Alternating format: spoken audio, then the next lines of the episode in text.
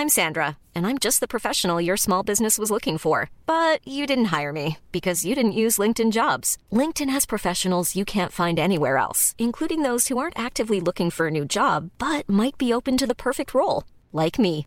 In a given month, over 70% of LinkedIn users don't visit other leading job sites. So if you're not looking on LinkedIn, you'll miss out on great candidates like Sandra. Start hiring professionals like a professional. Post your free job on linkedin.com/people today. There's never been a faster or easier way to start your weight loss journey than with PlushCare. PlushCare accepts most insurance plans and gives you online access to board-certified physicians who can prescribe FDA-approved weight loss medications like Wigovi and Zepbound for those who qualify. Take charge of your health and speak with a board-certified physician about a weight loss plan that's right for you. Get started today at plushcare.com slash weight loss. That's plushcare.com slash weight loss. plushcare.com slash weight loss.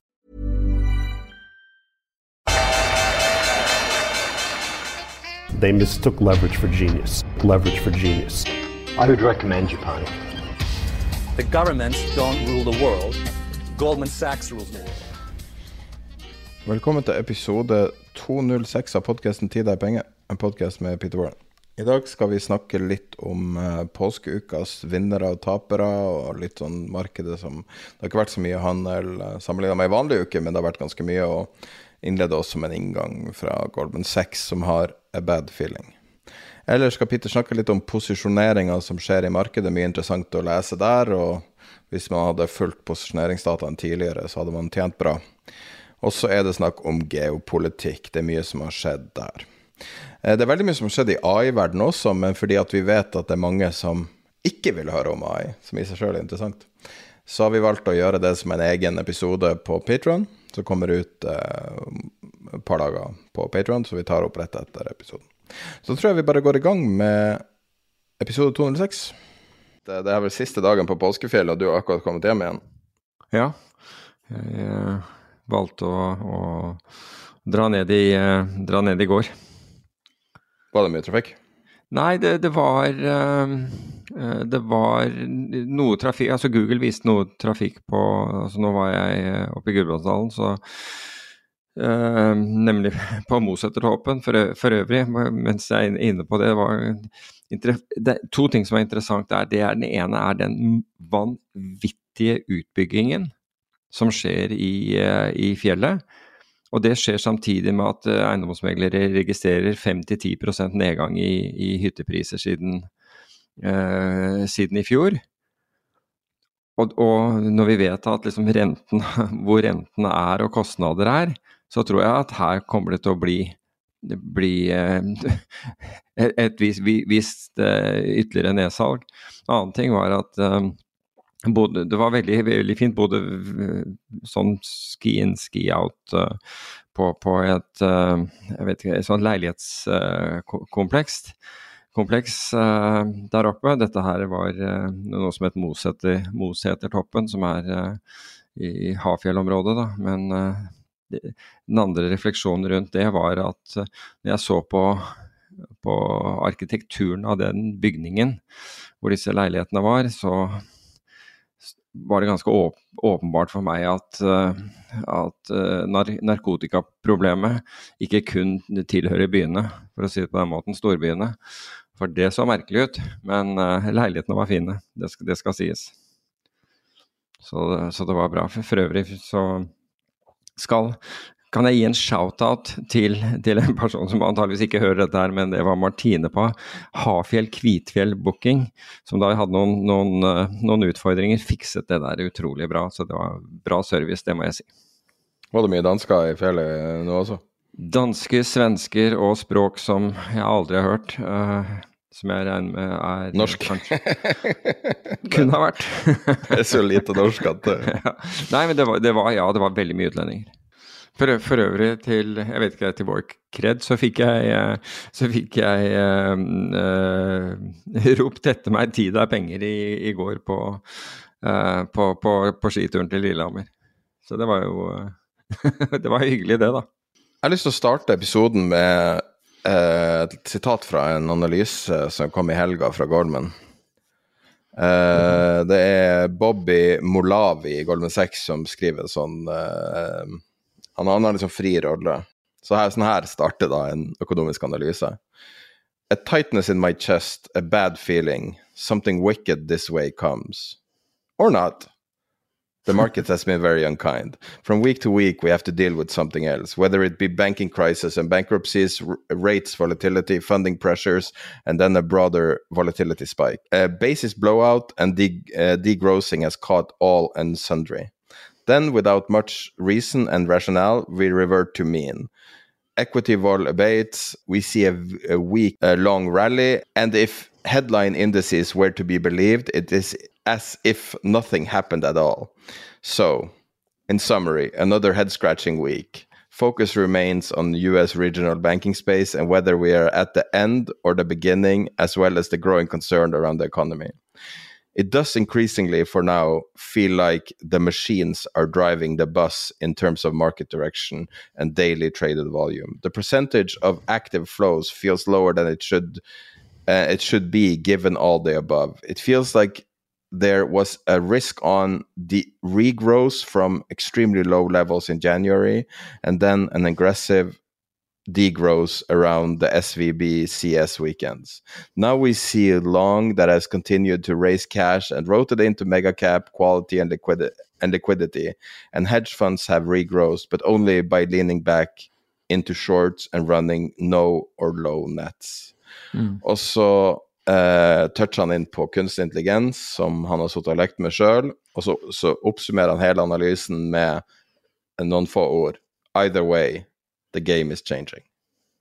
Ja, jeg er enig med deg. Altså, Goldman er jo ikke alene om dette. City kom ut med en analyse eh, nylig hvor eh, de sier at uh, europeiske eiendomsverdier ikke har tatt inn over seg renteøkningen på, på, noen måte, og de, og de forventer at, kan, at eiendomsverdier kan falle opp til 40 innen utgangen av, av, av, 2024.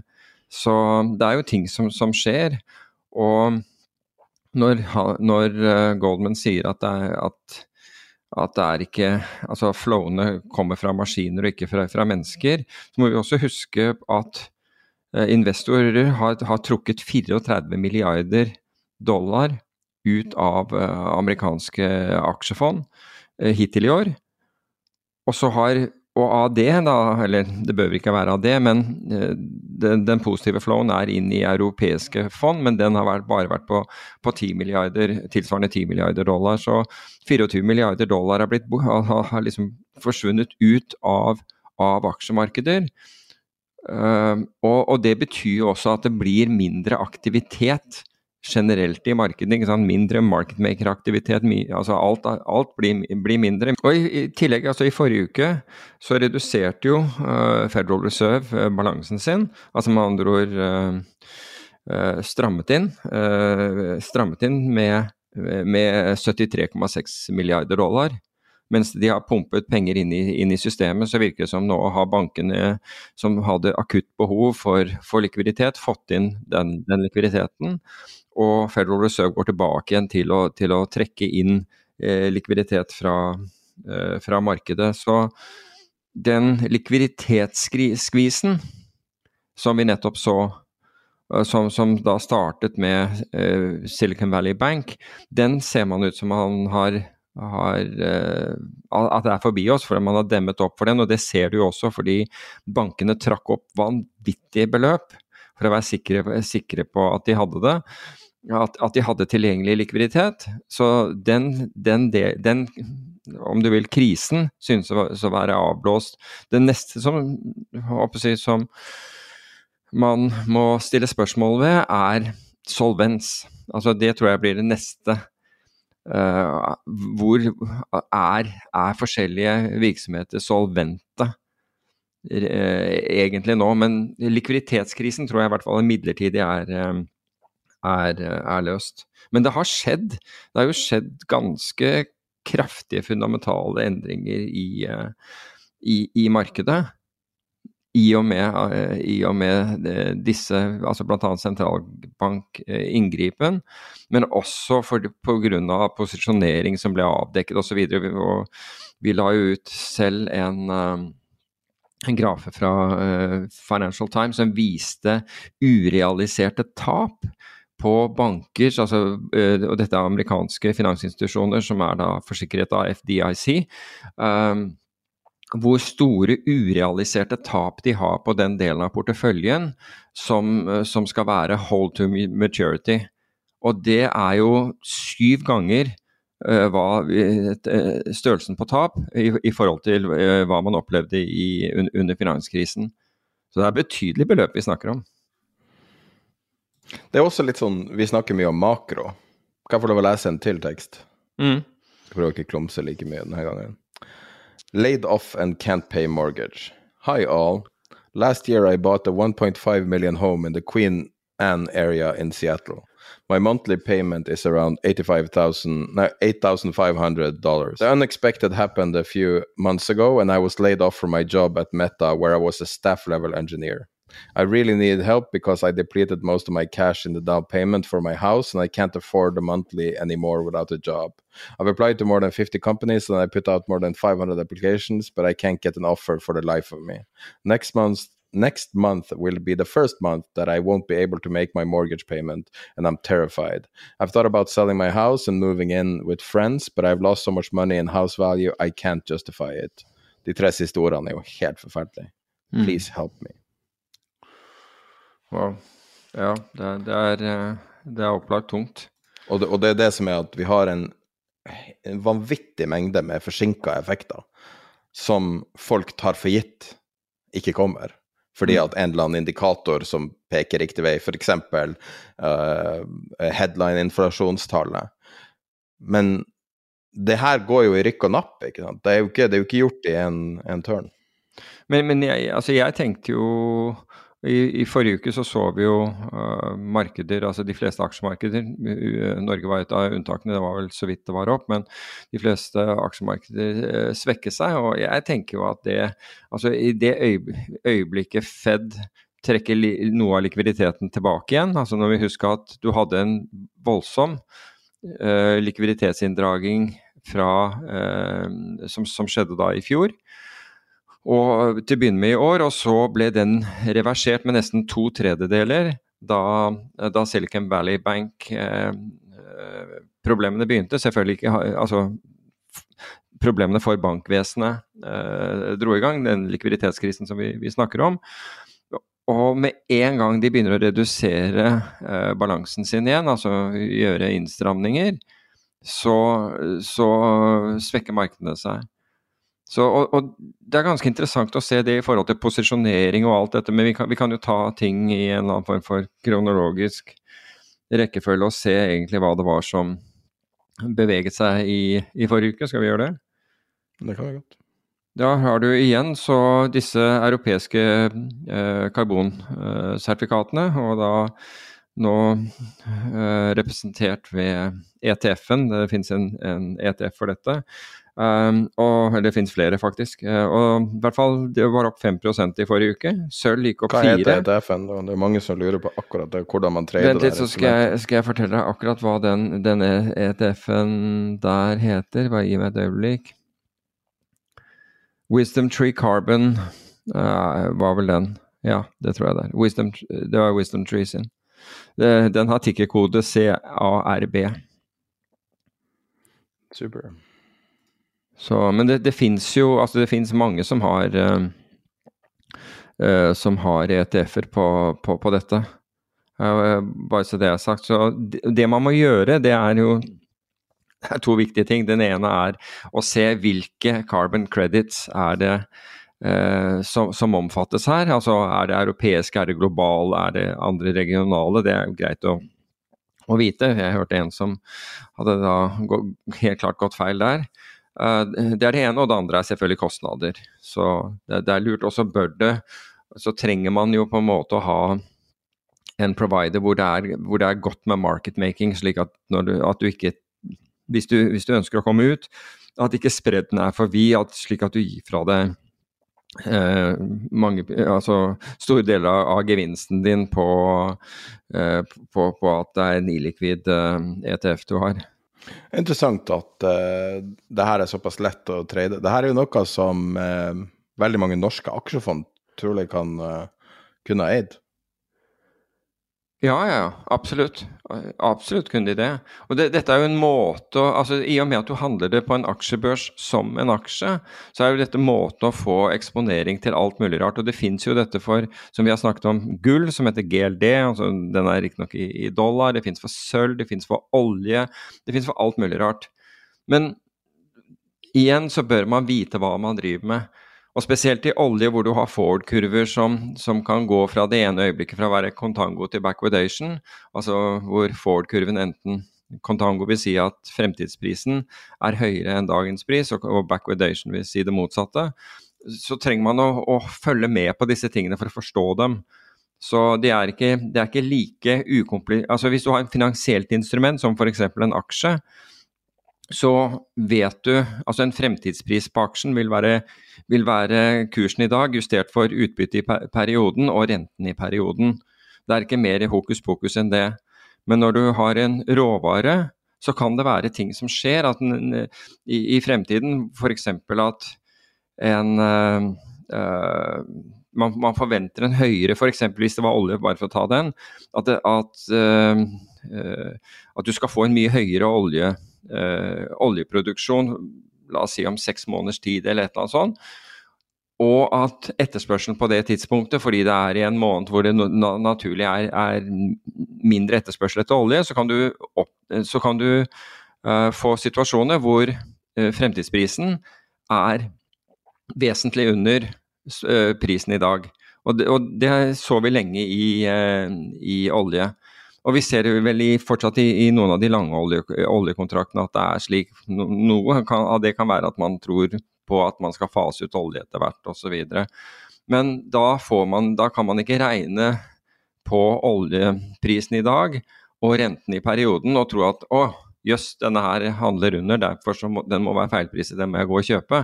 Nei, du må på en måte ta andre faktorer inn i, inn i, uh, i, i betraktning. Og Det samme gjelder f.eks. hvete og altså mange av disse jordbruksproduktene vil også ha perioder hvor de er veldig etterspurt, og andre perioder hvor de ikke er det. Og Det gjør da at de kan enten få da en bratt uh, kontango, altså fremtidsprisen handler vesentlig høyere enn dagens pris, uh, eller en, en, bratt backwardation hvor den handler under. Og så kan man si at Hvorfor kjøper man ikke da og holder til, den, til, til levering, hvis man kan f.eks. tjene 6% på, på fire måneder eller annet sånt. Og da må man eh, ta i betraktning hva det koster å ha det på et godkjent lager. Det er ikke ditt lager, det vil være en børs sitt lager som, du, som, som, vil være godkjent for det. Og så betaler du lagerleie, og du betaler forsikring og alle disse tingene. Og så betaler du kosten av penger. Så det er en del ting du må ta i betraktning. Jeg håper ikke at jeg ga Nei, Det var jeg som spora av. Det var bare interessant å, å vite mer detaljer når du, når du toucha inn på karbon og sa at det var en ETF. Mm. Uh, så var det greit å, å, gå inn på detaljer. Fordi ja, he, ja det, absolutt. Du har snakka mye om karboncredits, men uh, for de fleste så Nå har jo IG et sånt produkt du kan få eksponering for karbonkreditt, uh, men vi, det er ikke så vanlig å investere i, så veldig mange vet ikke hvordan man gjør det. Nei, og det var noen som nå sendte meg noen greier hvor, var, hvor man skulle issue tokens på dette her, og dette var tydeligvis da noen, noen innenfor kryptospacet som vil delta i dette her, så det er, det er alle mulige varianter rundt det. Uh, men uh, altså, handle der hvor det er mest likvid, for å si det på den måten. For øvrig så er den, den ETC-en som, som vi uh, som vi refererer til, den er opp 16% i år. Så det har vært en, har vært en, eh, en bra investering for, for, året.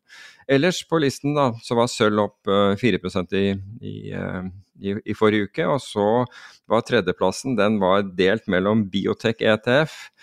Uh, investment grade, altså uh, ETF, altså som da har investment grade obligasjoner. Råvare-ETF-en.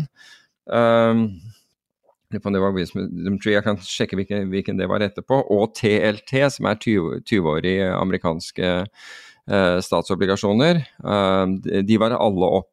De var alle opp 3, 3 i, eh, i, i, forrige uke. Så, så det, var, det, var, faktisk en, en relativt sett um, aktiv uke. Det var for øvrig Invesco sin den, den råvare-ETF-en. På nedsiden så ledet Tesla an med et fall på 11% foran britisk naturgass ned 10% og amerikansk naturgass ned 7% Så det var litt Altså, naturgass er, vet vi er, er notorisk eh, eh, volatilt. Så så det gikk for seg i, uh, i, uh, ja, i, i, forrige uke. Det var, det, var helt, det var, ikke en, stille uke, men det var en relativt stille uke for, for aksjer på Oslo Børs, representert ved Oslo Børs-indeksen. Kan vi snakke om en ting som um, gir meg litt den samme følelsen som han Goldman-analytikeren vi innleda med? Og det er det forholdet som er mellom rente og aksjer om dagen. Jeg har fra et sånn intuitivt ståsted, altså når man sitter og ser på noe hver dag, så, så får man litt sånn følelse av hvordan det burde gå. Um, jeg syns det er litt vanskelig å square nøyaktig hva det er som skjer i forholdet mellom aksjer og Altså nivået på, på aksjer og statsobligasjoner i øyeblikket, som en uh, risk-free rate uh, uh, beskrivelse. Og, og um, utgangspunktet for, for, meg er da at Um, på den ene sida så har vi da økt risikopremier, vi, vi, ser veldig mye. altså Renta har falt tilbake, men vi ser på dager der renten stiger, som da betyr at risikofrie renter stiger, som betyr at regnearket til en analytiker som skal vurdere f.eks. Et, et ungt vekstselskap, vil forandre seg ganske dramatisk. Og så ser vi like ofte nå i det siste, er at aksjer stiger samtidig som renten stiger. Mm. De type vekstaksjene. Um, er det noe som har på en måte gått ut av gir? Er det, er det en ny epoke vi er i, eller er det bare en, eh, en, litt sånn tilfeldighet at ting virker så ute av eh, takt, på en måte? Altså jeg tror at når vi ser på dette her, eh, når vi kommer til å altså, summer ut og ser det, det, det som skjer nå, Um, en eller annen gang frem i tid og vi zoomer ut og ser, det, ser dette her, så, så, kommer det bare til å være rett og slett støy. Vi kommer ikke til å, å bry oss om det. Men, men, jeg reagerer også på det der at det, det, er ikke noe særlig logikk bak renteoppgang og, og en oppgang i, i aksjer som, har, som, som, kun har en mulig frem, fremtidig eh, inntjening. Det, det, det, er jeg helt enig i. Og en annen ting i altså som, så, så, de to tingene henger ikke sammen, men av og til så er markedene altså så beveger markeder seg pga. flows, og nå har vi nettopp hatt en betydelig intervensjon i rentemarkedene, som da fikk eh, effekt langs hele kurven. Uh, igjen tilbake til starte med den Silicon Valley Bank. Så jeg tror at dette her er noe av tilpasningene som følger det. Men vi ser jo at penger som kommer ut av aksjemarkedet, går bl.a. til eh, altså, og, og, kommer ut av banker, går til pengemarkedsfond og går til, og, og går til obligasjoner. Så har vi en annen sak i øyeblikket, og det er jo at den risikopremien som du var inne på eh, nettopp, og, og det er hva hva, hva, du, hva, du, kan forvente å få i avkastning fra, fra, fra aksjer, kontra eh, sikre obligasjoner, er på det laveste nivået siden 2007. Siden oktober 2007. Hva risikopremien er på det laveste nivået, er det du sa? Ja, risikopremien er på det laveste nivået. Hva er logikken der? Ja, det er, altså, du kan si at Og det er akkurat det Wall Street Journal eh, påpekte her i, i, i forrige uke. Og de mente jo at Aksjer har ikke vært mindre attraktive siden 2007. Og du kan si at 90 wow. av ti og du må, altså Hvis du går godt over 100 år tilbake, 90% av, av, av, av tiden så har verdsettelsen på, på aksjer vært, lavere i forhold til, hva, hva du, hva du kan, i forhold til inntjening enn den er i dag. Så aksjer er ekstremt høyt priset, og den, den risikopremien er på, er, eh, altså på SMP er 1,59% og som sagt, det er det laveste man har sett. Hvordan regner du den? Eh, er det basert I, for, på I forhold til yielden eh, okay. på, på, obligasjoner. Du, du, tar yielden på aksjer i forhold til, i forhold til yielden på obligasjoner. Og du kan si at hva er risikopremie? Jo, det er Er det direktegilden? Altså er det utbytte, eller? Ja, korrekt. Ja, så, så direkte direkteavkastninga i aksjer? Ja, så, Nettopp. Riktig. Fratrukket da statsobligasjonsrenten. Og poenget her er jo at aksjer er svinger mer, og følgelig skal du bli betalt mer for å sitte på aksjer enn, enn for å sitte på, på, obligasjoner. Og i øyeblikket så, så, blir du da bare betalt 1,59% mer for å sitte i, i året, for å, for å, sitte på aksjer. Og det er det svært mange som mener at det er ikke tilstrekkelig for en, for en uh, aktiva-klasse som uh, fluktuerer med et eller annet sted fra la oss si 12 til 20% i året så blir den risikopremien den, den, blir jo borte på, på, på, på, et øyeblikk ikke sant, av, av, av svingninger.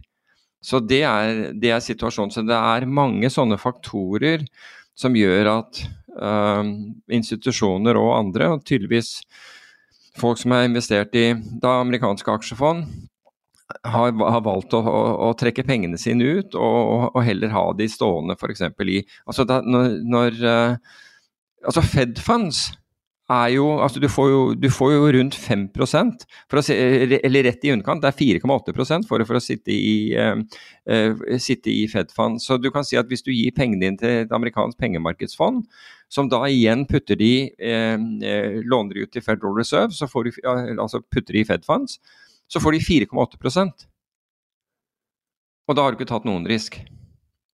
Så uh, Annet enn på, på, på, USA, om du vil. Så, så det gjør at, uh, at det er mange som tenker seg om og sier at er dette her så lurt?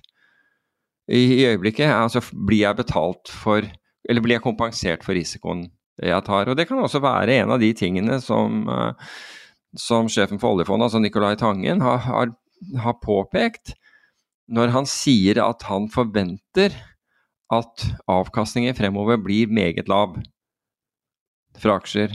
Og at vi forventer en veldig mye lavere avkastning. Og den, den, jo, den spriker jo diametralt mot alle, nesten alle aksjefondsforvaltere i, i, Norge. Altså verdens største aksjefondsforvalter versus, versus, de andre, holdt jeg på å si. Eh, som da mener at det skal bli til å, det, det, lett få tosifret avkastning, og det er ikke måte på. Det, det er litt sånn morsomt der, fordi alle, alle disse forvalterne er in awe, hva heter det for noe, altså har sånn ærefrykt når det gjelder eh, Nicolai Tangen og det han har fått til. Han har fått til mye, så, men samtidig så, eh, så, er de ikke villige til å høre på ham når, eh, når, når, det gjelder deres egen økonomi. Og det er jo, deres egen økonomi er jo nettopp påvirket av at de, at de får mye penger til, til, til forvaltning. Jeg, jeg, tenker bare tilbake på en norsk analytiker, på, eller norsk finansperson han er ikke analytiker, uh, som uh, konkluderte veldig hardt med et uh, Jeg lurer på om det var et KPI-tall eller et eller annet, og sier liksom at ja, resesjonen kommer aldri. Og liksom bare, det er bare bullshit som, som implisitt står i media eller et eller annet. Og når du ser på hans inntjen personlige balance shit, altså du ser på hans personlige gevinst av om markedet går opp eller ned, så ser du jo at denne personen som er superkompetent, er jo selvfølgelig forskjøvet av ideen om at hvis markedet skulle snu ned, så vil det gjøre at han har lavere lønn, selvfølgelig. For han, mm.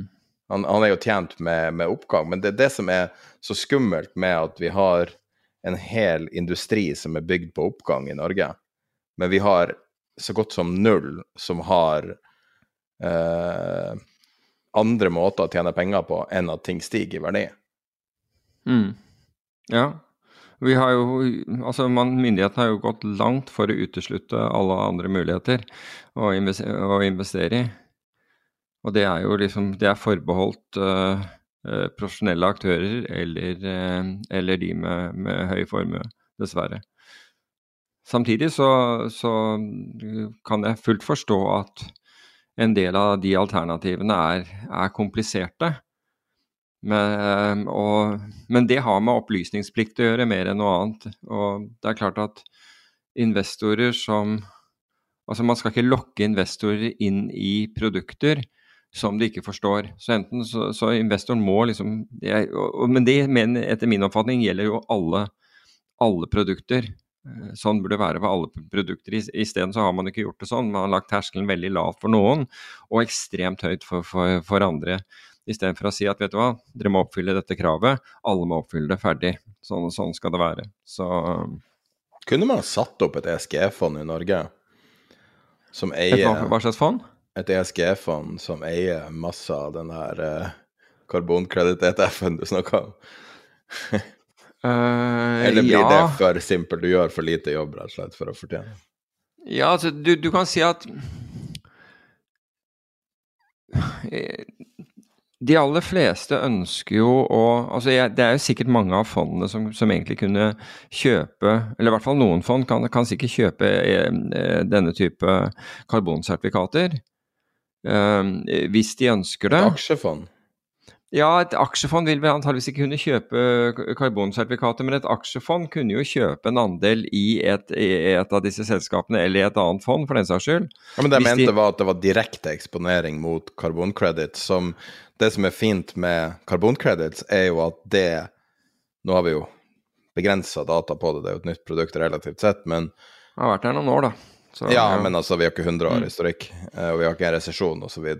i historikken. Men Um, det fine der er jo at du får ukorrelert avkastning der det ikke er avhengig av at tidevannet stiger, i et aksjefond. Ja vi Gitt vet at jo, det er lov med mandatet, da, det vet jeg jo ikke. ja, Men altså jeg tror, jeg tror sikkert du kunne få satt opp et slikt eh, sertifikat. altså Det som, som myndighetene vil være opptatt av, er jo at det er, eh, at det er trygt. ikke sant? Altså det du investerer i er trygt. Og når disse sertifikatene handler jo på, eh, på en børs, og det, og det er et clearinghus eh, involvert, slik at det fins eh, altså sikkerhet for, for, for oppgjør. Så, men det er jo de første, det er jo bl.a. tingene som, som myndigheter er, er, er, opptatt av. Og så skal det være regelmessig prising, altså øh, daglig prising på det, og det er heller ikke, ikke noe problem. Og, men så må du ha noen med kunnskapen. Men hvis du skulle gått i Norge og og, og, la oss si du ønsket å sette opp et sånt fond, så, vi, så, er det jo ikke en megler som ville hjelpe deg å få investorer til dette. Fordi megler, Det er jo ikke noen emisjoner for, for, for, for meglere, det er ikke noe som de kan tjene penger på. Så de vil jo ikke gjøre en jobb for at du skal, at du skal få, få, investorer.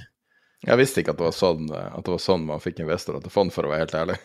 Jo, men altså det er jo det der, altså et aksjefond, ikke sant? da vil jo aksjemeglere være interessert i deg, fordi de får kurtasje og de kan selge sine produkter og alle, all disse tingene. Men hvis du ikke har noe, så er det jo rett og slett nærmest en trussel mot en aksjemegler, fordi da kan en del av deres investorer ønske å plassere penger hos deg. Og da får ikke du noe kurtasje, og du får ikke dette. Så det styres jo veldig mye. Alt egentlig styres av det som styres av, av hvor, hvor, inntektene til meglerne kommer fra. Og det er, det er kun de mest altså institusjonelle og profesjonelle investorer som vet hvor de skal henvende seg i utlandet for å, for, for å oppnå det de vil. For da, handler de ikke, altså da går de ikke via det norske uh, meglerapparatet. Og sånn er det, men sånn har det jo alltid vært. ikke sant? Det er, er, altså Meglerhusene er en salgsorganisasjon, og de ønsker jo å, å selge sine produkter. Sånn.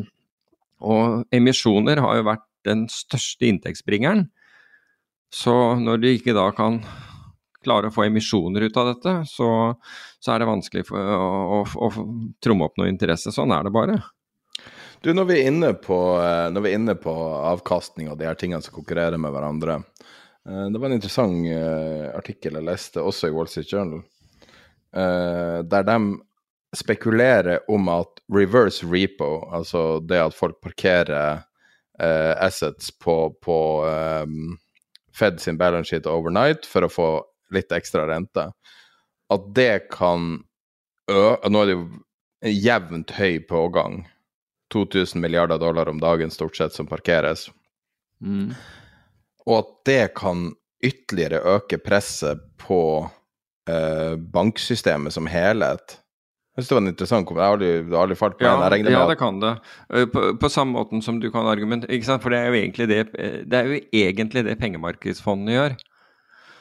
så øh, altså pengemarkedsfondene får, får øh, penger fra altså innskytere som ikke stoler på bankene, tar ut pengene sine fra, fra, fra bankene, øh, plasserer de i pengemarkedsfond som f.eks.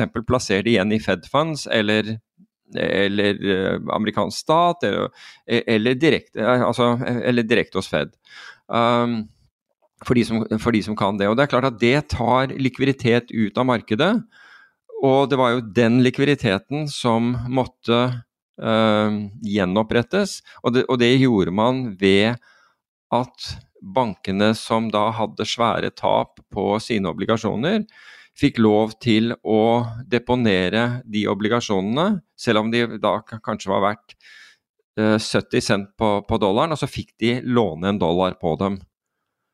Så, så ja er svaret på, på dette med, med Eh, med, med repomarkedet, eller reverse eh, repomarkedet. Ja, det, det, forverrer situasjonen, men så har man tatt seg av det ved dette, dette ettårsprogrammet, hvor, eh, hvor man har da hvor, man låner, til, til, låner ut til pari, selv om, det, selv om man har fått sikkerhet for mark-to-market-sikkerheten på, på, det man har fått som, uh, so, som, sikkerhet, er mye lavere. Men ja, det er klart at det, det trekker jo inn likviditet. Er, er, det her eh, samme dynamikken som er det vi ser i sofer-volumen? Altså det som når nå tidenes høyeste nivå? Uh, ja, graf på linje 40 i regnearket. Ja, jeg så den. Um, så den går over all time high for, ja. for eurodollar. Og Uh, altså, det er jo en overnight også. Ja, det er korrekt. jo pengemarked, så ja, Er det også altså, en indikasjon på stresset? Ja, det er en indikasjon på stresset. Uh, det er enig at det er.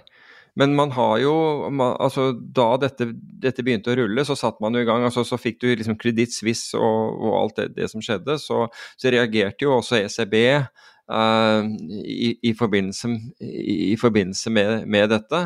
Jeg var for øvrig veldig glad for å se at den sveitsiske eh nasjonalbanken da nek... Altså, de har da I og med at den måtte, den måtte inn med, med, penger Først så, så kuttet man jo eh, Nullet man ut eh, en, en, type gjeld som Credit hadde. Uh, altså den, denne, denne alternative Eh, Tier 1-gjelden ble da nullet ut, og ikke aksjekapitalen. Men i det minste så, uh, så har uh, sentralbanken satt grense for hva som, ta, hva, som kan tas ut i bonus av Kreditt Suisse-ansatte. De burde ikke hatt bonus i det hele tatt, men de har i det, i det minste gjort at og, og det, gjelder, det gjelder 1000, uh, 1000 uh, ansatte, får da sine, sine bonuser kuttet. Så istedenfor at uh, myndighetenes altså redningspakker skal, skal, gå direkte til uh, Eller direkte i, i, en, i en, stor eller, eller, liten grad skal gå til, uh, til, til de som har de som har jobbet i disse bankene, og de som kanskje har vært ansvarlig for, for den situasjonen man befinner seg i. Ulikt hva man gjorde i USA under finanskrisen, hvor toppene i bankene fikk, fikk lov å få bonuser av, uh, av, redningspakkene. Det er helt utrolig. Det er, ja. Så det er i hvert fall, jeg er glad for å se at, at sveitserne er mer edruelige, for å si det på den måten. Skulle vi snakket noe om posisjonering, for det er litt spennende. Du nevnte jo dette her med, med obligasjonsmarkedet. Og det som er interessant der, er at, er at posisjoneringen, altså nett shorter av amerikanske tiårig eh, statsobligasjonen. Og hvis du går short, så er det fordi du tror renten går opp. Nett short er det høyeste eh, siden 2018. Det var opp 32% i forrige uke. Og det er ganske be betydelig. Hvordan, eh, hvordan shorter du eh? Du shorter future-kontraktene. Du shorter future, ja. ja. Så du selger future-kontrakten? Ja. Hvis ja. du selger future-kontrakten, altså short, så er det fordi du tror eh, altså, eh, så er det fordi du tror renten går opp. Men det er mulig å shorte obligasjoner direkte også, sånn, sånn som aksjer? Det kan du også gjøre, ja ja. Du, du, du kan jo, ja ja. Det, det, er ikke noe problem. Du kan enten gjøre swap eller repo-form eller et eller annet sånt, men du kan, du kan absolutt gjøre det. Um, Hva med CDS-er, da? Ja, men CD, CDS er Altså, CDS går på solvensen. Så, så du Akkurat, kan si at Ja, det er et godt poeng. Det var et veldig godt poeng. Så, um, så det er først og Pluss at du er avhengig av en komité? For, for å få payout. Ja, i stad, ja. Mm -hmm. Ja, sånn at uh, For å få en uh, credit event Du kan, kan du forklare litt de forskjellige tingene? For du har jo Statsobligasjoner er USAs uh, mekanisme for å hente penger. Ja. Eh, for å eh, låne penger, eh, ikke være avhengig av banker, men hele det globale markedet, og i veldig stor grad sin egen sentralbank. ja. Og så har du eh, forskjellige typer du, har, du kan handle statsobligasjoner direkte. Du kan handle forskjellige durasjoner, altså forskjellige forfallstid. Alt ned fra om det Jeg vet ikke helt ned på neste dag, men altså hele veien opp til 30 år, tror jeg det er nå. ja, korrekt.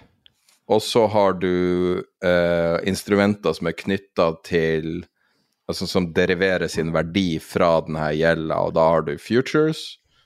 Og du Ja, altså credit Future-kontraktene den beveger seg, den, den, den beveger seg jo i, i forhold til renten. Det eneste er at hvis du, sitter, altså hvis du kjøper en statsobligasjon via, future, via en future-kontrakt, så får du ikke Altså en statsobligasjon betaler deg jo eh, rente, ikke sant, en, en, en, en årlig rente. Den får du ikke utbetalt i en future-kontrakt, men den vil være i prisen. Så, så den, den, du, du får den på en måte, men den vil være i, i, eh, i prisen. Opsjonene de regner ut fra eh, direkte fra future, fra future eller fra statsobligasjon? Fra futuren. Ja, Fra future. Så future. futuren er finansifiseringa på en måte, financialization på engelsk, av, eh, av statsobligasjonen, ikke sant? Ja, det er korrekt. Sånn at det skal være mulig å handle for å skape volum, for, for å jevne ut litt topper og bunner. Ja, også du kan si at du, du, altså en future-kontrakt skapes ved at, at det finnes en kjøper og en selger av den, og den trenger ikke å være linket, altså annet enn at den er linket i forhold til, eh, i forhold til løpetid. Eh, Til en, en statsobligasjon, så er den ikke direkte linket til den, den, den statsobligasjonen. Så du kan si at vi, vi skaper en ny future-kontrakt hver gang eh, det, det gjøres en handel. Og derfor så kan egentlig volumet av future-kontrakter være, være høyere enn, vol enn det underliggende volumet av, av obligasjoner. Det er fullt mulig. Så i, en, i verste fall så kan du få en situasjon where, where the tail is wagging the dog, hvis det er liksom veldig store bevegelser i, i futuren og det finnes en vanvittig stor åpen balanse av, av futures. Men, men stort sett så bidrar dette til, til et superlikvid marked både for den underliggende obligasjon og for future-kontrakten. Fordi det vil være arbitrasjører der hele tiden.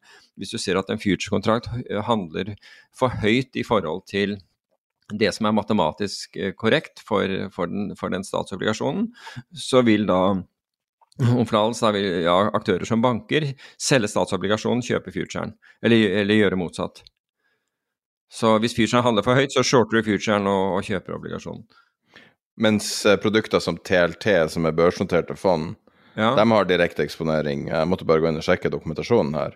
De har direkte i statsobligasjoner. Det er korrekt. Og, og de har da de vil da ha en, en eh, noenlunde altså vi, man, tenker på dette som 20 år, men an, antageligvis er durasjonen kortere enn det. Men de vil da ha hele tiden drive, altså også ha behov for å selge eh, de korteste statsobligasjonene de har, og, og, og erstatte de med lengre statsobligasjoner.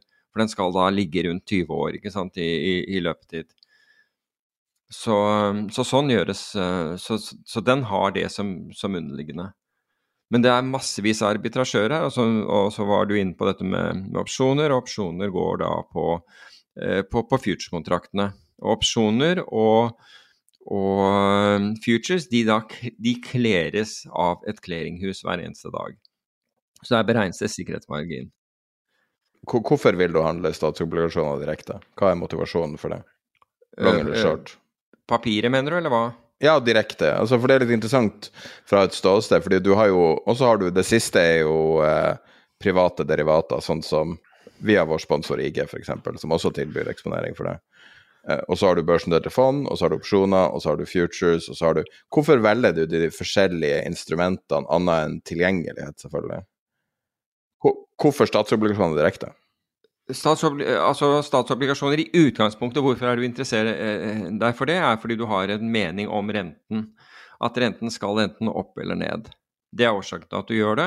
Eller så kan det være at du skaffer deg statsobligasjoner for å bruke det som sikkerhet mot noe annet. Altså mot et annet lån eller, eller sånne ting. Det er mange årsaker til, at du gjør det. Og som banker, ikke sant. Altså de brukte da statsobligasjoner fordi de ønsket å De lånte billig. Eh, en gang. De, de, lånte til null, og så kunne de plassere det til statsobligasjon, tiårs statsobligasjon på en halv prosent rente. Og da fikk de halv prosent rente i året, og så lenge de lånte inn til null, så, så nettet de en halv prosent i året. Så, men så var da det problemet var jo at man begynte å sette opp renten, og da ble innlånene plutselig mye uh, mer kostbare enn det de allerede hadde lånt ut til. Fordi hvis du da har kjøpt en tiårs statsobligasjon, så er jo det, det, det Da har du plassert eh, da, da, har du lånt kort og plass, plassert langt. Men future, da, opp mot det her. For nå vi, liksom, begynner vi å måtte, gå ut på mer det makroøkonomiske analyse. Men jeg tenker det som et tradinginstrument. Hvorfor velge futures, da? Hvorfor trade futures i stedet? Superlikvid. Altså det er, er en veldig høy likviditet i det. Um, du kan si at hvis du skal handle de hvis du skal handle statsobligasjoner, så er du nødt til å handle en uh, det er en mer omstendelig prosess hvis du ikke er en profesjonell aktør. Hvis du er en bank, så er du vant til å handle det, alle banker handler dette her seg imellom. Uh, men hvis du er en, en annen type aktør, så er, kan futures være uh, enklere for deg å, å, handle. Så har du et rentesyn, så er det veldig greit å handle futuren. Og så er det avhengig av hva du tror skal skje med renten, og hvor det skal skje hen på kurven. Er det liksom toårsrenten du forventer skal bevege seg, er det ti år, er det 20 år, er det noe inn, innimellom. Og så kan det være at du har en, som mange hadde, en, eh, et syn på, eh, på, på forskjellen mellom f.eks. For toårs- og tiårsrenten. I øyeblikket så er det jo treårs- og tiårsrenten. Den, den, den, er jo nå Den tror jeg gikk til, eh, til Altså den inverterte altså for, for, lenge siden. Men jeg tror at forskjellen der sånn gikk til ny rekord nå. Um, så noen har, har, meninger om det også, ikke sant. Så, og da, altså hvordan den rentekurven ser ut. Hvor viktig er uh, giringfaktoren med valg av futures? Det er jo et produkt som uh, altså knytta til mye belåning i en posisjon. Hvor viktig er det for en trader? Altså, du, du kan si at det er, det er, klart at du får bedre anvendt kapitalen din hvis du, hvis du, kan putte opp noen prosent for å handle noe, for da kan du alltids putte eh, resten av kapitalen din sant, på, på, på, bankkonto eller bruke den til noe annet. Så det har noe med likviditet å gjøre, men du kan si at hvis du utnytter det for mye, så vil det jo være sånn at hvis dette bare beveger seg litt mot deg, så er du nødt til å stille opp med mer penger. Og da har du veldig kort tid på å gjøre det, så det er, det er et ekstra stressmoment. Det er nok en del som, som gjør det på, på, eh, grunn av, giring, men altså, det er ikke disse fan, fantomgiringene som, som, du av og til som du hørte innenfor, innenfor, krypto, og også av og til innenfor CFD, hvor du hører liksom, sånn helt vanvittige giringer. Det er som regel ikke det i, i altså De aller fleste aktørene tar den ikke så langt ut, for å si det på den måten. Og, men du, du, ser jo nå, altså selv um, uh, historisk dyktige aktører i mars tapte voldsomt med penger på, på, amerikanske statsobligasjoner. Rett og slett fordi de lå feil vei da, eh, da sentralbanken steppet inn for å redde Silicon Valley Bank og, og de andre bankene. Hva med opsjoner, da? Hvorfor velger du opsjoner? Ja, altså jeg vil, jeg vil, jo velge opsjoner fordi jeg får uttrykt For det første, altså hvis du gjør en future, så, så har du en lineær utvikling. Ikke sant? Altså det, den, det vil være akkurat det samme som uh, om du har kjøpt altså hvis du har kjøpt en future på en aksjeindeks eller et eller annet sånt. Det er helt lineær utvikling. Jeg vil velge opsjoner for å få en non-lineær utvikling. Enten for å få liksom, mer bang for my bucks, det kan være. ikke sant? Og da kjøper jeg en, en, en call- eller put-opsjon. Eller fordi jeg tror at det skal at jeg ønsker ikke å ha såpass mye risiko til, til nedsiden at jeg syns helt greit med premien, eller jeg tror det skal være en begrenset bevegelse, så jeg kjøper en uh, opsjon og utsteder en annen. Og da vil jeg tjene penger på det som skjer imellom de to streikene. Og jeg har mindre utlegg, og jeg har, og jeg har mindre risiko. Og så er det de som handler opsjoner fordi de har et syn på volatiliteten, og det har vi sett. Den eksploderte jo fullstendig i, eh, i statsobligasjonsopsjoner. Og de som lå short den volatiliteten, altså Pimco i sin tid var jo den største shorteren av uh, opsjoner på, på, statsobligasjoner, men det var mens Bill Gross var der. Jeg vet ikke hva de gjør i dag, men det, det, hadde ikke vært pent i, i, i, mars i år, det kan jeg i hvert fall forsikre deg, for de som lå short den type opsjoner. For, for volatiliteten gikk gjennom taket og tvang nok mange til å måtte ta, uh, ta tap. Så du bruker opsjoner for, fordi du kan, du kan, uttrykke akkurat det du mener med opsjoner. Du trenger ikke å ta mer risiko enn en, en du, du, vet du tar, enn du føler deg komfortabel med. Og du kan gå og legge deg Um, og, og, vite at når du våkner opp om morgenen, i verste fall så har du tapt den premien på, på, de opsjonene. Og du vil ikke ha tapt de over natt heller, for den saks skyld. fordi hvis opsjonen varer i la oss si to-tre måneders opsjon, så vil du ha en innvirkning på premien, men du vil ikke ha, vil ikke ha tapt alt. Um, og, eller over en weekend eller et eller annet sånt. Et eller annet skjer der ute. Da er det veldig mye mer behagelig å eie opsjoner enn å, å være lineært eksponert, hvor du vet at hver prosent det, det faller, er, er, altså hvis du har long, taper du. Hver prosent det stiger, tjener du. Men med opsjoner så, så, så du, kan du ha et gulv. Og som sagt, du kan tilpasse det du gjør, eh, altså veldig, veldig presist. Så det er mange muligheter du har gjennom opsjoner. Du kan lage en opsjon hvor du sier at jeg tror det kommer til å være rolig denne uken her, men uken etter tror jeg det kommer til å, kommer til å være bevegelser. Da kan du gjøre en opsjonsstrategi uh, som tjener penger på det at det er ganske rolig denne uken, og beveger seg uken etter. Så det, du, har, du, har, liksom veldig mange muligheter, da. flere muligheter med, med opsjoner, men du har De er mer komplekse, så du må lære deg opsjoner. og det går vel ikke en uke uten at noen stiller, noen, stiller meg noen opsjonsspørsmål. Og det går vel ikke en uke uten at jeg sier til, til folk at du må lære dem om opsjoner før du, du, begynner å handle dem, og ikke mens du har en posisjon på som du ikke forstår hvorfor den beveget seg sånn som den gjorde. Husker du vi snakka om en opsjon når, eh, når, jeg hadde en trade på, som, som jeg også annonserte i podkasten da? Og, um, og, du foreslo å gjøre en ganske komplisert um, ganske komplisert trade da, ut fra Jeg hadde en, en vellykka trade, og så, så, så, sa jeg da at, at, jeg ville ikke gjøre det fordi jeg forsto det ikke. Hva du syns du mm. om det resonnementet? Ja, altså, jeg syns det er helt riktig. Akkurat den traden jeg foreslo for deg, var, ville vært ekstremt eh, lett for meg å tegne opp for deg. Uh, for hva den gjorde. Fordi du, du, en, du, en, du, eide en putt som var dypt inne i pengene, fordi den hadde gått i, i, i, i din favør. Og så ville jeg beskytte den med noe som kalles en risk reversal, som, hvor du hadde kjøpt det, uh, som ikke ville ha kostet deg noe penger, fordi du ville, du ville utstedt en putt lenger nede. Og det, noe, og det, er ikke noe risk for deg, fordi du eier allerede en putt. så så hvis den fortsatte lenger, lenger nedover, så ville, så ville, du muligens fått litt mindre gevinst, men du hadde allerede en veldig høy gevinst. Um, og så du utstedte den, og så brukte du det du fikk inn for den, den put-opsjonen til å kjøpe deg en kjøpsopsjon som da ville beskytte gevinsten din hvis det gikk mot deg. Men hva du synes om resonnementet, det at jeg hadde ikke mulighet da til å lære meg det der? Så resonnementet var jeg forstår det ikke, jeg ønsker ikke å gjøre noe med opsjoner der jeg ikke 100 forstår det. For hvis jeg gjør noe feil, f.eks. å si at jeg utsteder en opsjon eller et eller annet går veldig imot meg, så har jeg i praksis uendelig nedside. Uh, og, og, valget da var, på tross av at jeg stolte på ditt resonnement, så valgte jeg å ikke gjøre det nettopp fordi at, at, jeg ville holde det enkelt og lære meg det steg for steg. Ja.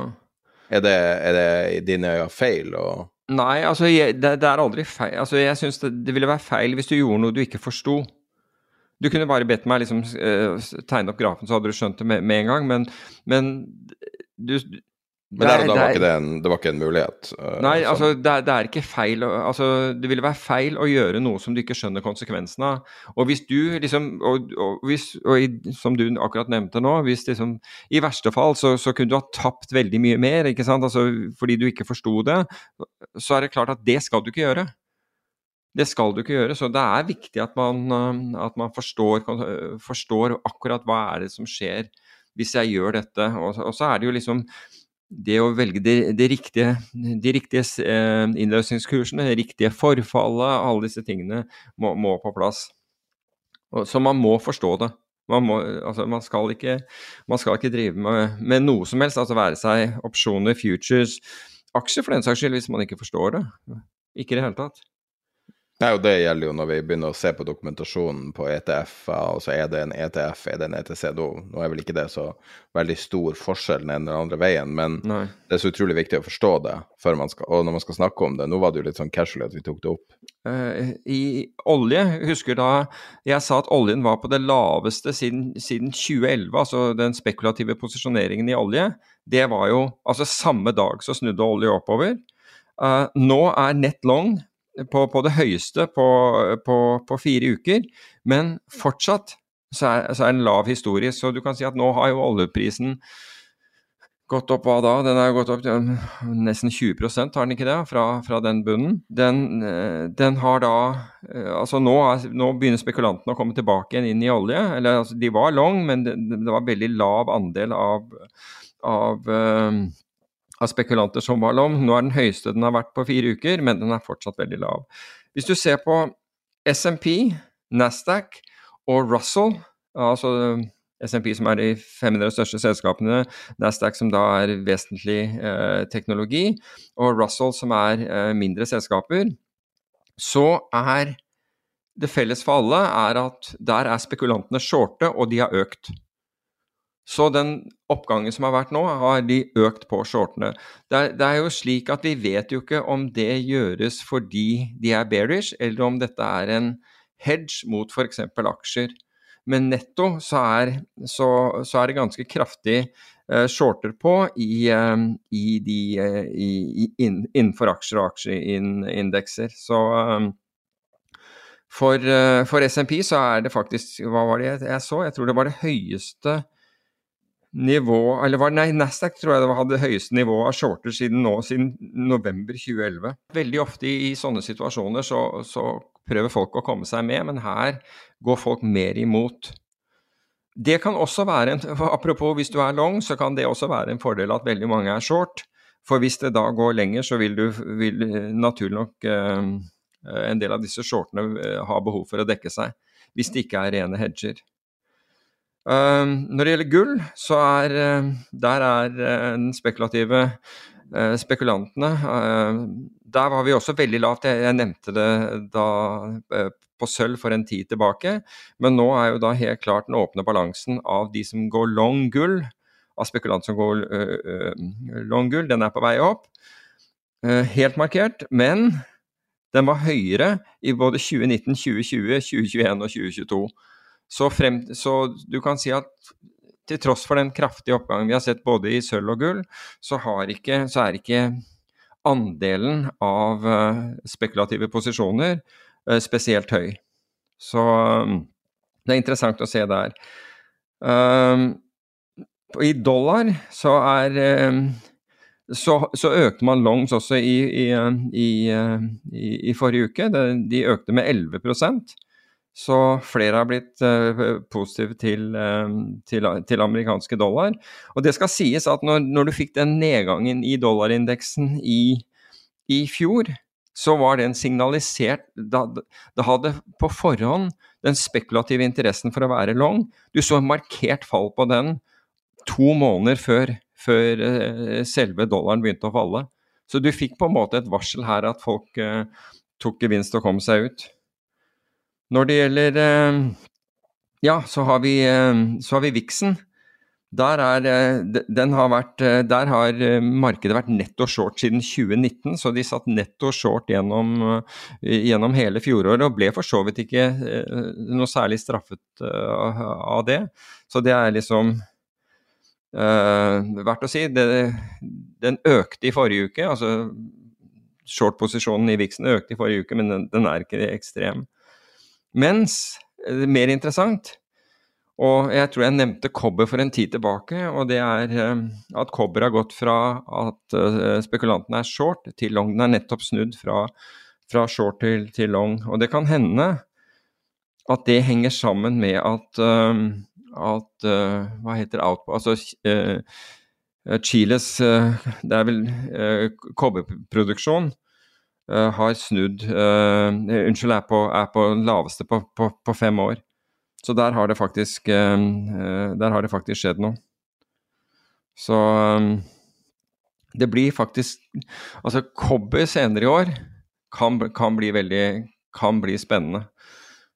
Så vi, vi, vi, får se hva som skjer der. Når det gjelder uh... Kobber er jo litt sånn en mål av økonomien som helhet. Ja, nettopp. Nettopp er det det. ikke sant? Altså, det er det mest viktige industrielle med metallet. Så jeg har Men egentlig du at jeg skal begynne å rive kobberet ut av veggene nå?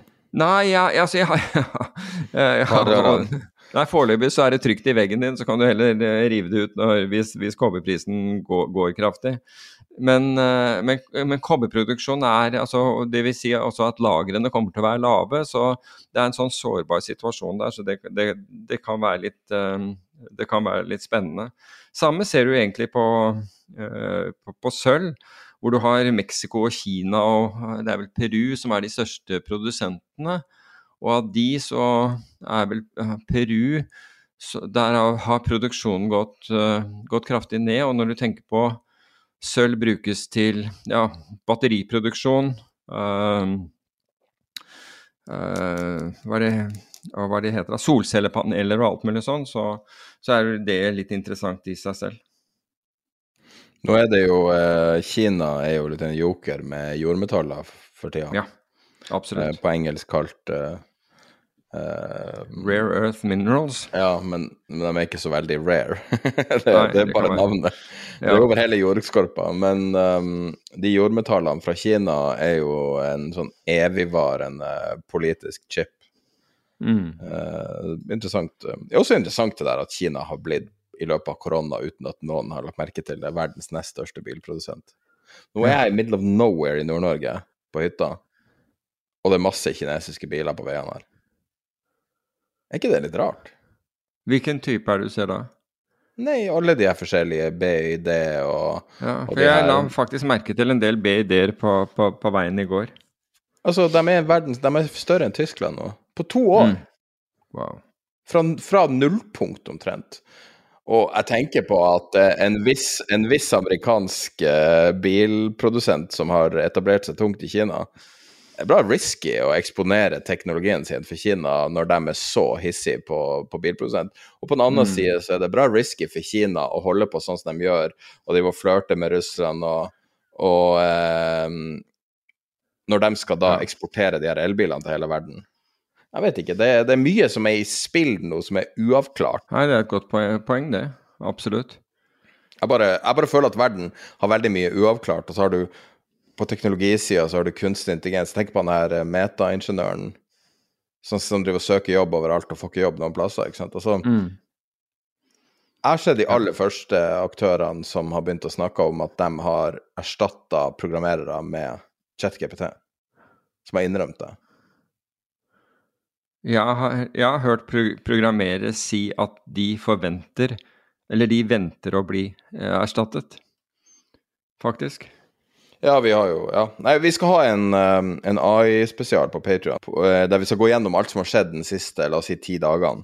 Det har skjedd ekstremt mye mm. som går under radaren, og det, det, går så fort nå. Og uh, bare for å, å tease den uh, Patrion Jeg syns han karen som skrev ChatGPT 'Find me money', og den gjorde ja, Jeg så den. Skrev navn og personnummer. Dog han karen som skrev det, driver en Altså har laga en plug-in, sånn at han vet at det her er mulig, men likevel, den fant faen meg 2000 kroner som staten var skyldig han. var det ikke 230 dollar eller noe sånt? var det ikke det? 200 og et eller annet dollar. Ja. 2000 kroner. Mm.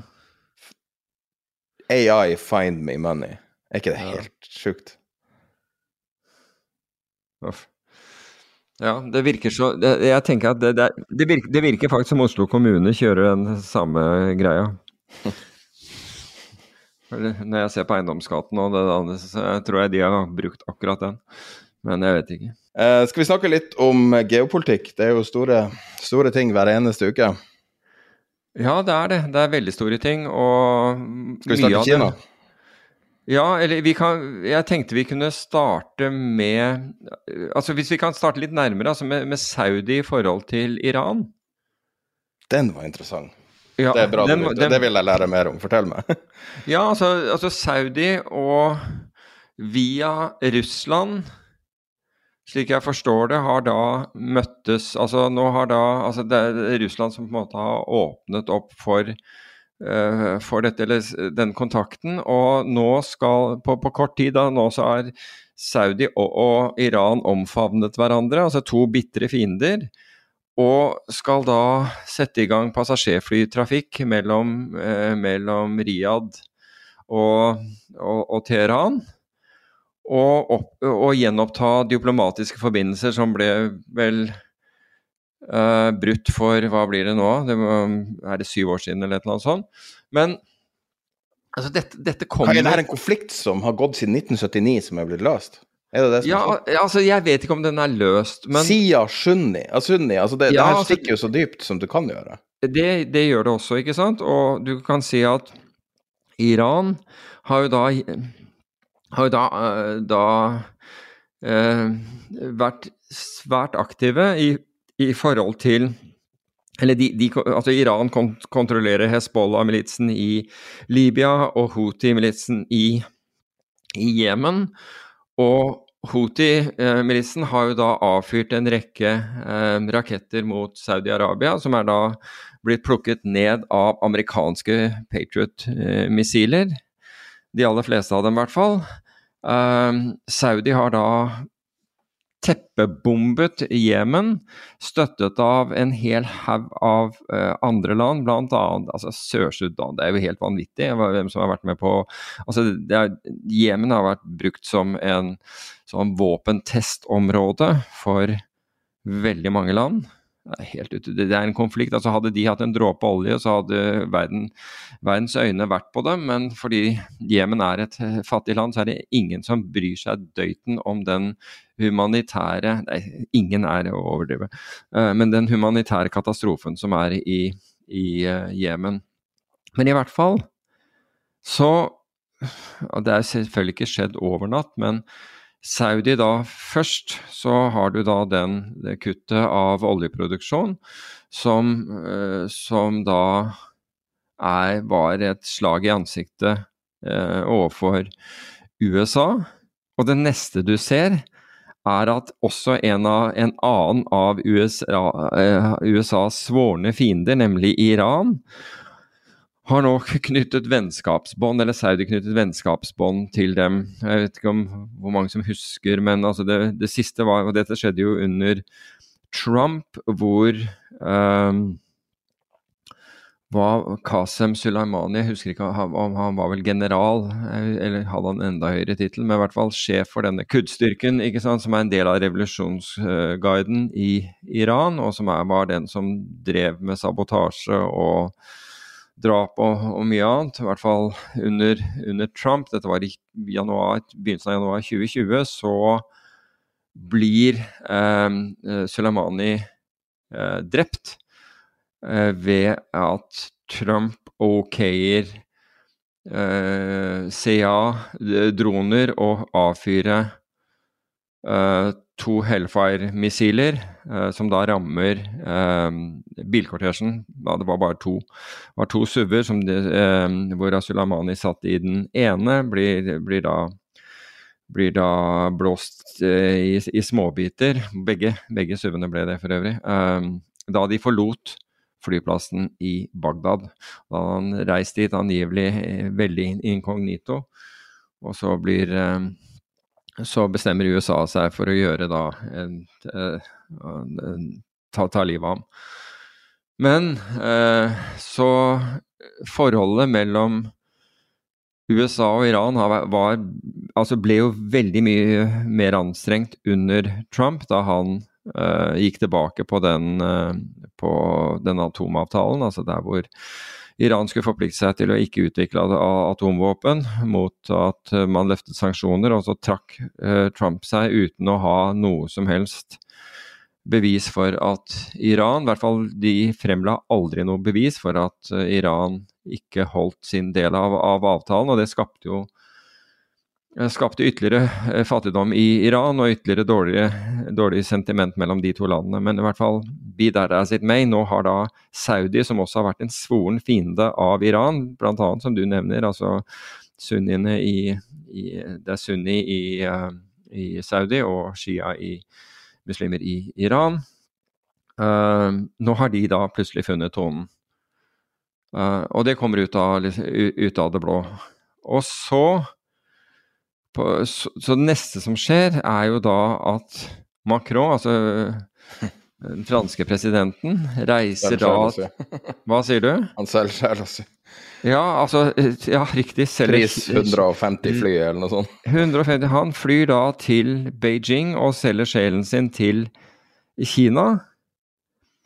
For å så på toppen av det hele uttale at man måtte redusere avhengigheten av USA. Og én ting er jo at USA reagerer, men det gjør, det gjør resten av EU også. På, på, på denne uttalelsen så var Macron altså Han har jo ønsket å være en spiller, det er helt på, på det geopolitiske arenaen. Det er ingen tvil om det. Men han har jo vært i Moskva et antall ganger og og hatt møte med, med, Putin, men jeg må jo si at han legger han, Nå har han liksom virkelig lagt listen høyt. Så, så geopo, geopolitikk skal eh, kommer til å kommer nå til å få en, en, en, en, større oppmerksomhet også i de finansielle men, markedene. Ja, men det påvirker finansen, fordi det var jo den dealen vi snakka om i forrige episode, med den mm. uh, flytende gassen, LNG-en, som Total Energi uh, ja. Kjøpte Nei, solgte til Kina, var det vel. Kjøpte, solgte. Deal, kjøpte, kjøpte fra. Ja. Og, og, det ble prisa i uh, kinesisk valuta.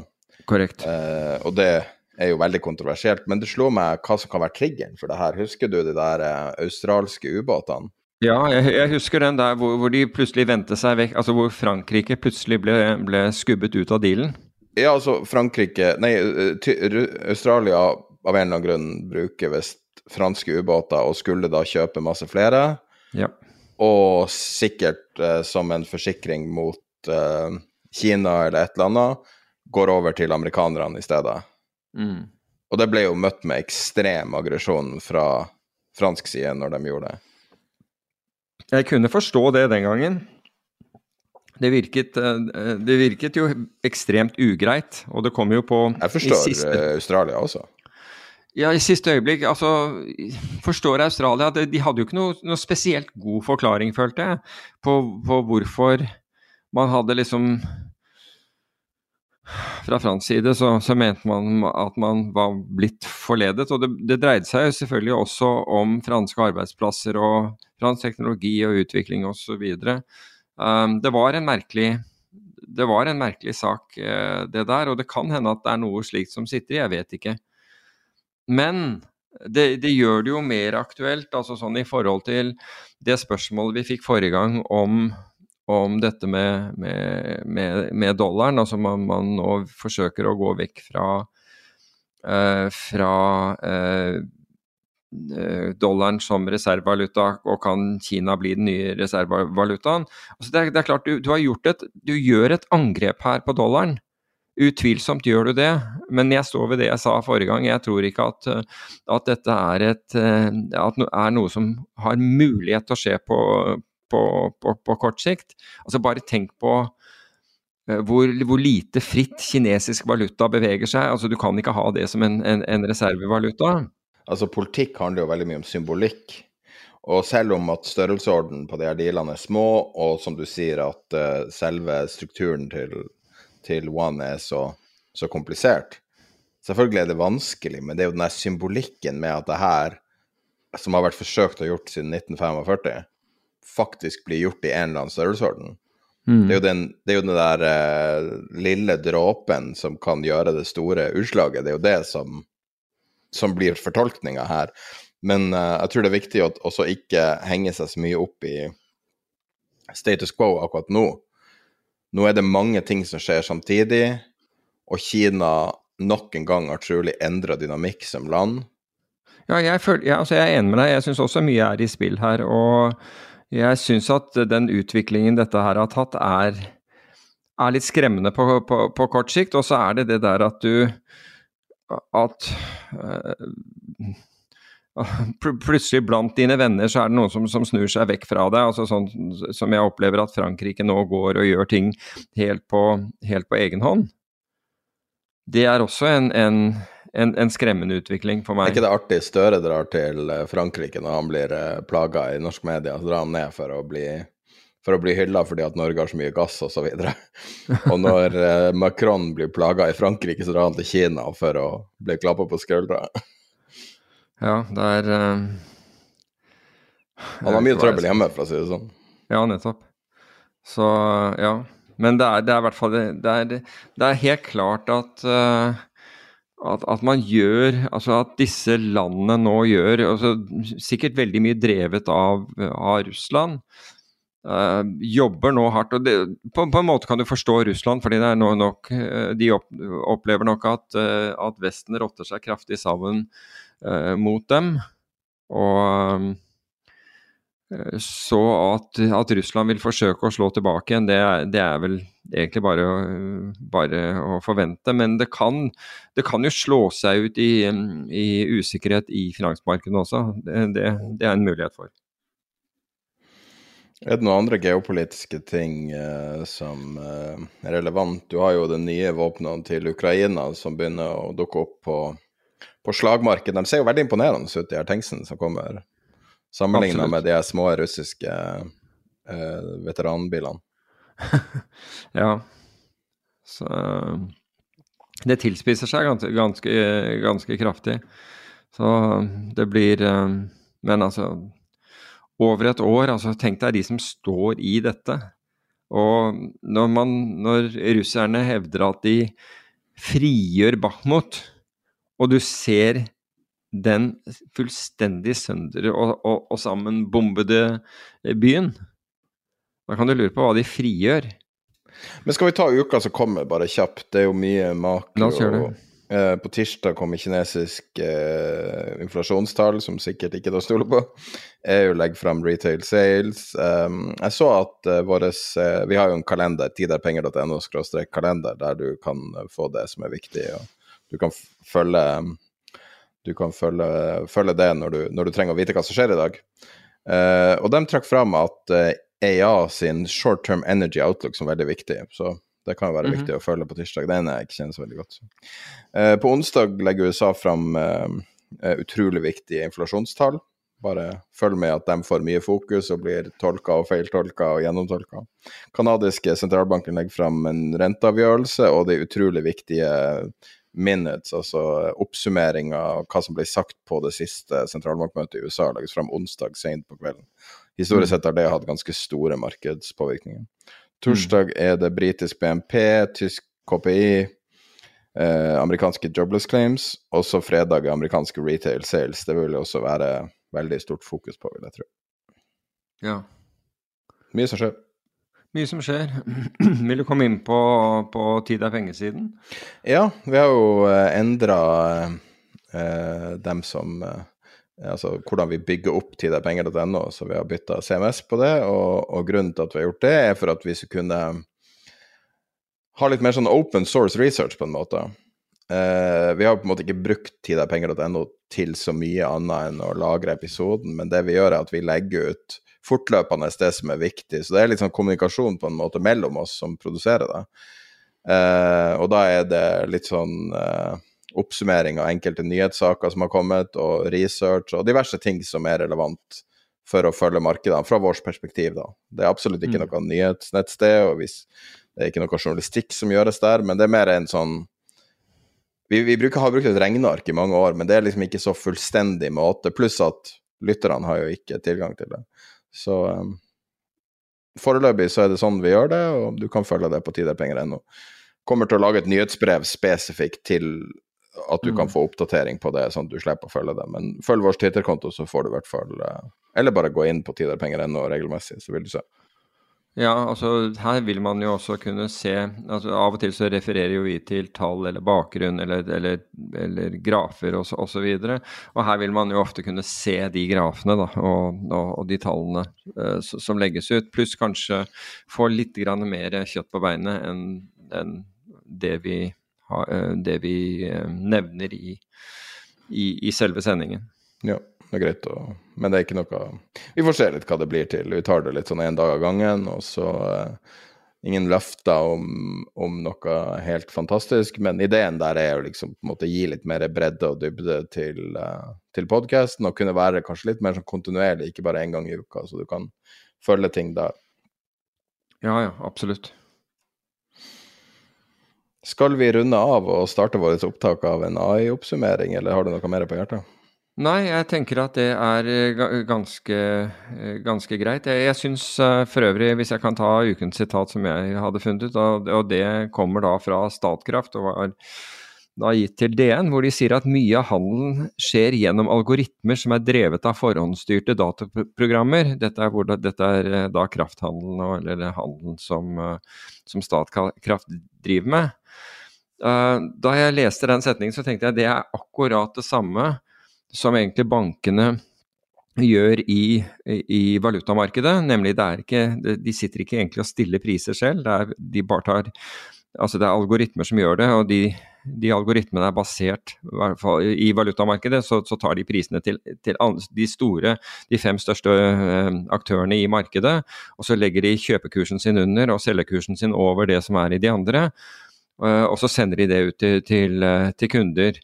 Og, men felles for det er at og, Eller hva jeg mistenker, det, det er at bankene Der, der fortsatte man å, å, gi bonuser til, til, traderne, som egentlig ikke gjorde noe. For det var, det var, dataprogrammer som gjorde dette, sikret det og gjorde hele jobben. Og det var jo da dataprogrammer som bankene allerede hadde betalt for å, å benytte. Men allikevel så klarte traderne fortsatte de å få bonuser som om de skapte resultatene.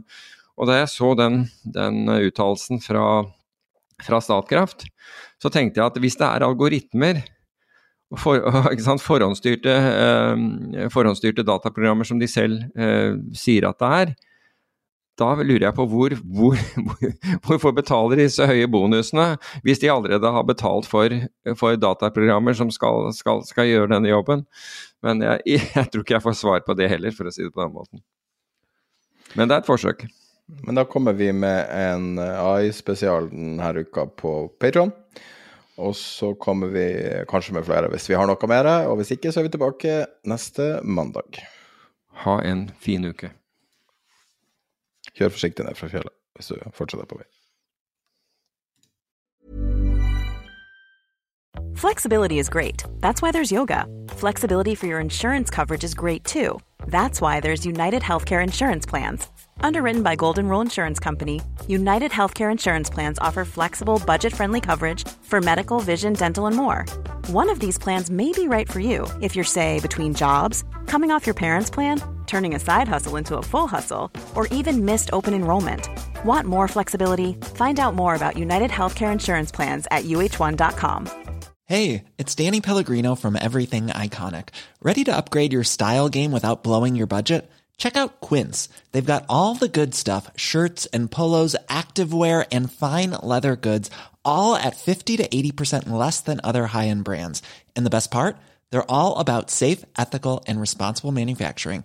Get that luxury vibe without the luxury price tag. Hit up quince.com slash upgrade for free shipping and 365 day returns on your next order. That's quince.com slash upgrade. This Mother's Day, treat mom to healthy, glowing skin with Osea's limited edition skincare sets. Osea has been making clean, seaweed infused products for nearly 30 years. Their advanced eye care duo brightens and firms skin around your eyes, while the Golden Glow Body Trio nourishes and smooths skin all over. Go to OSEAMalibu.com and use code MOM for 10% off your first order site wide.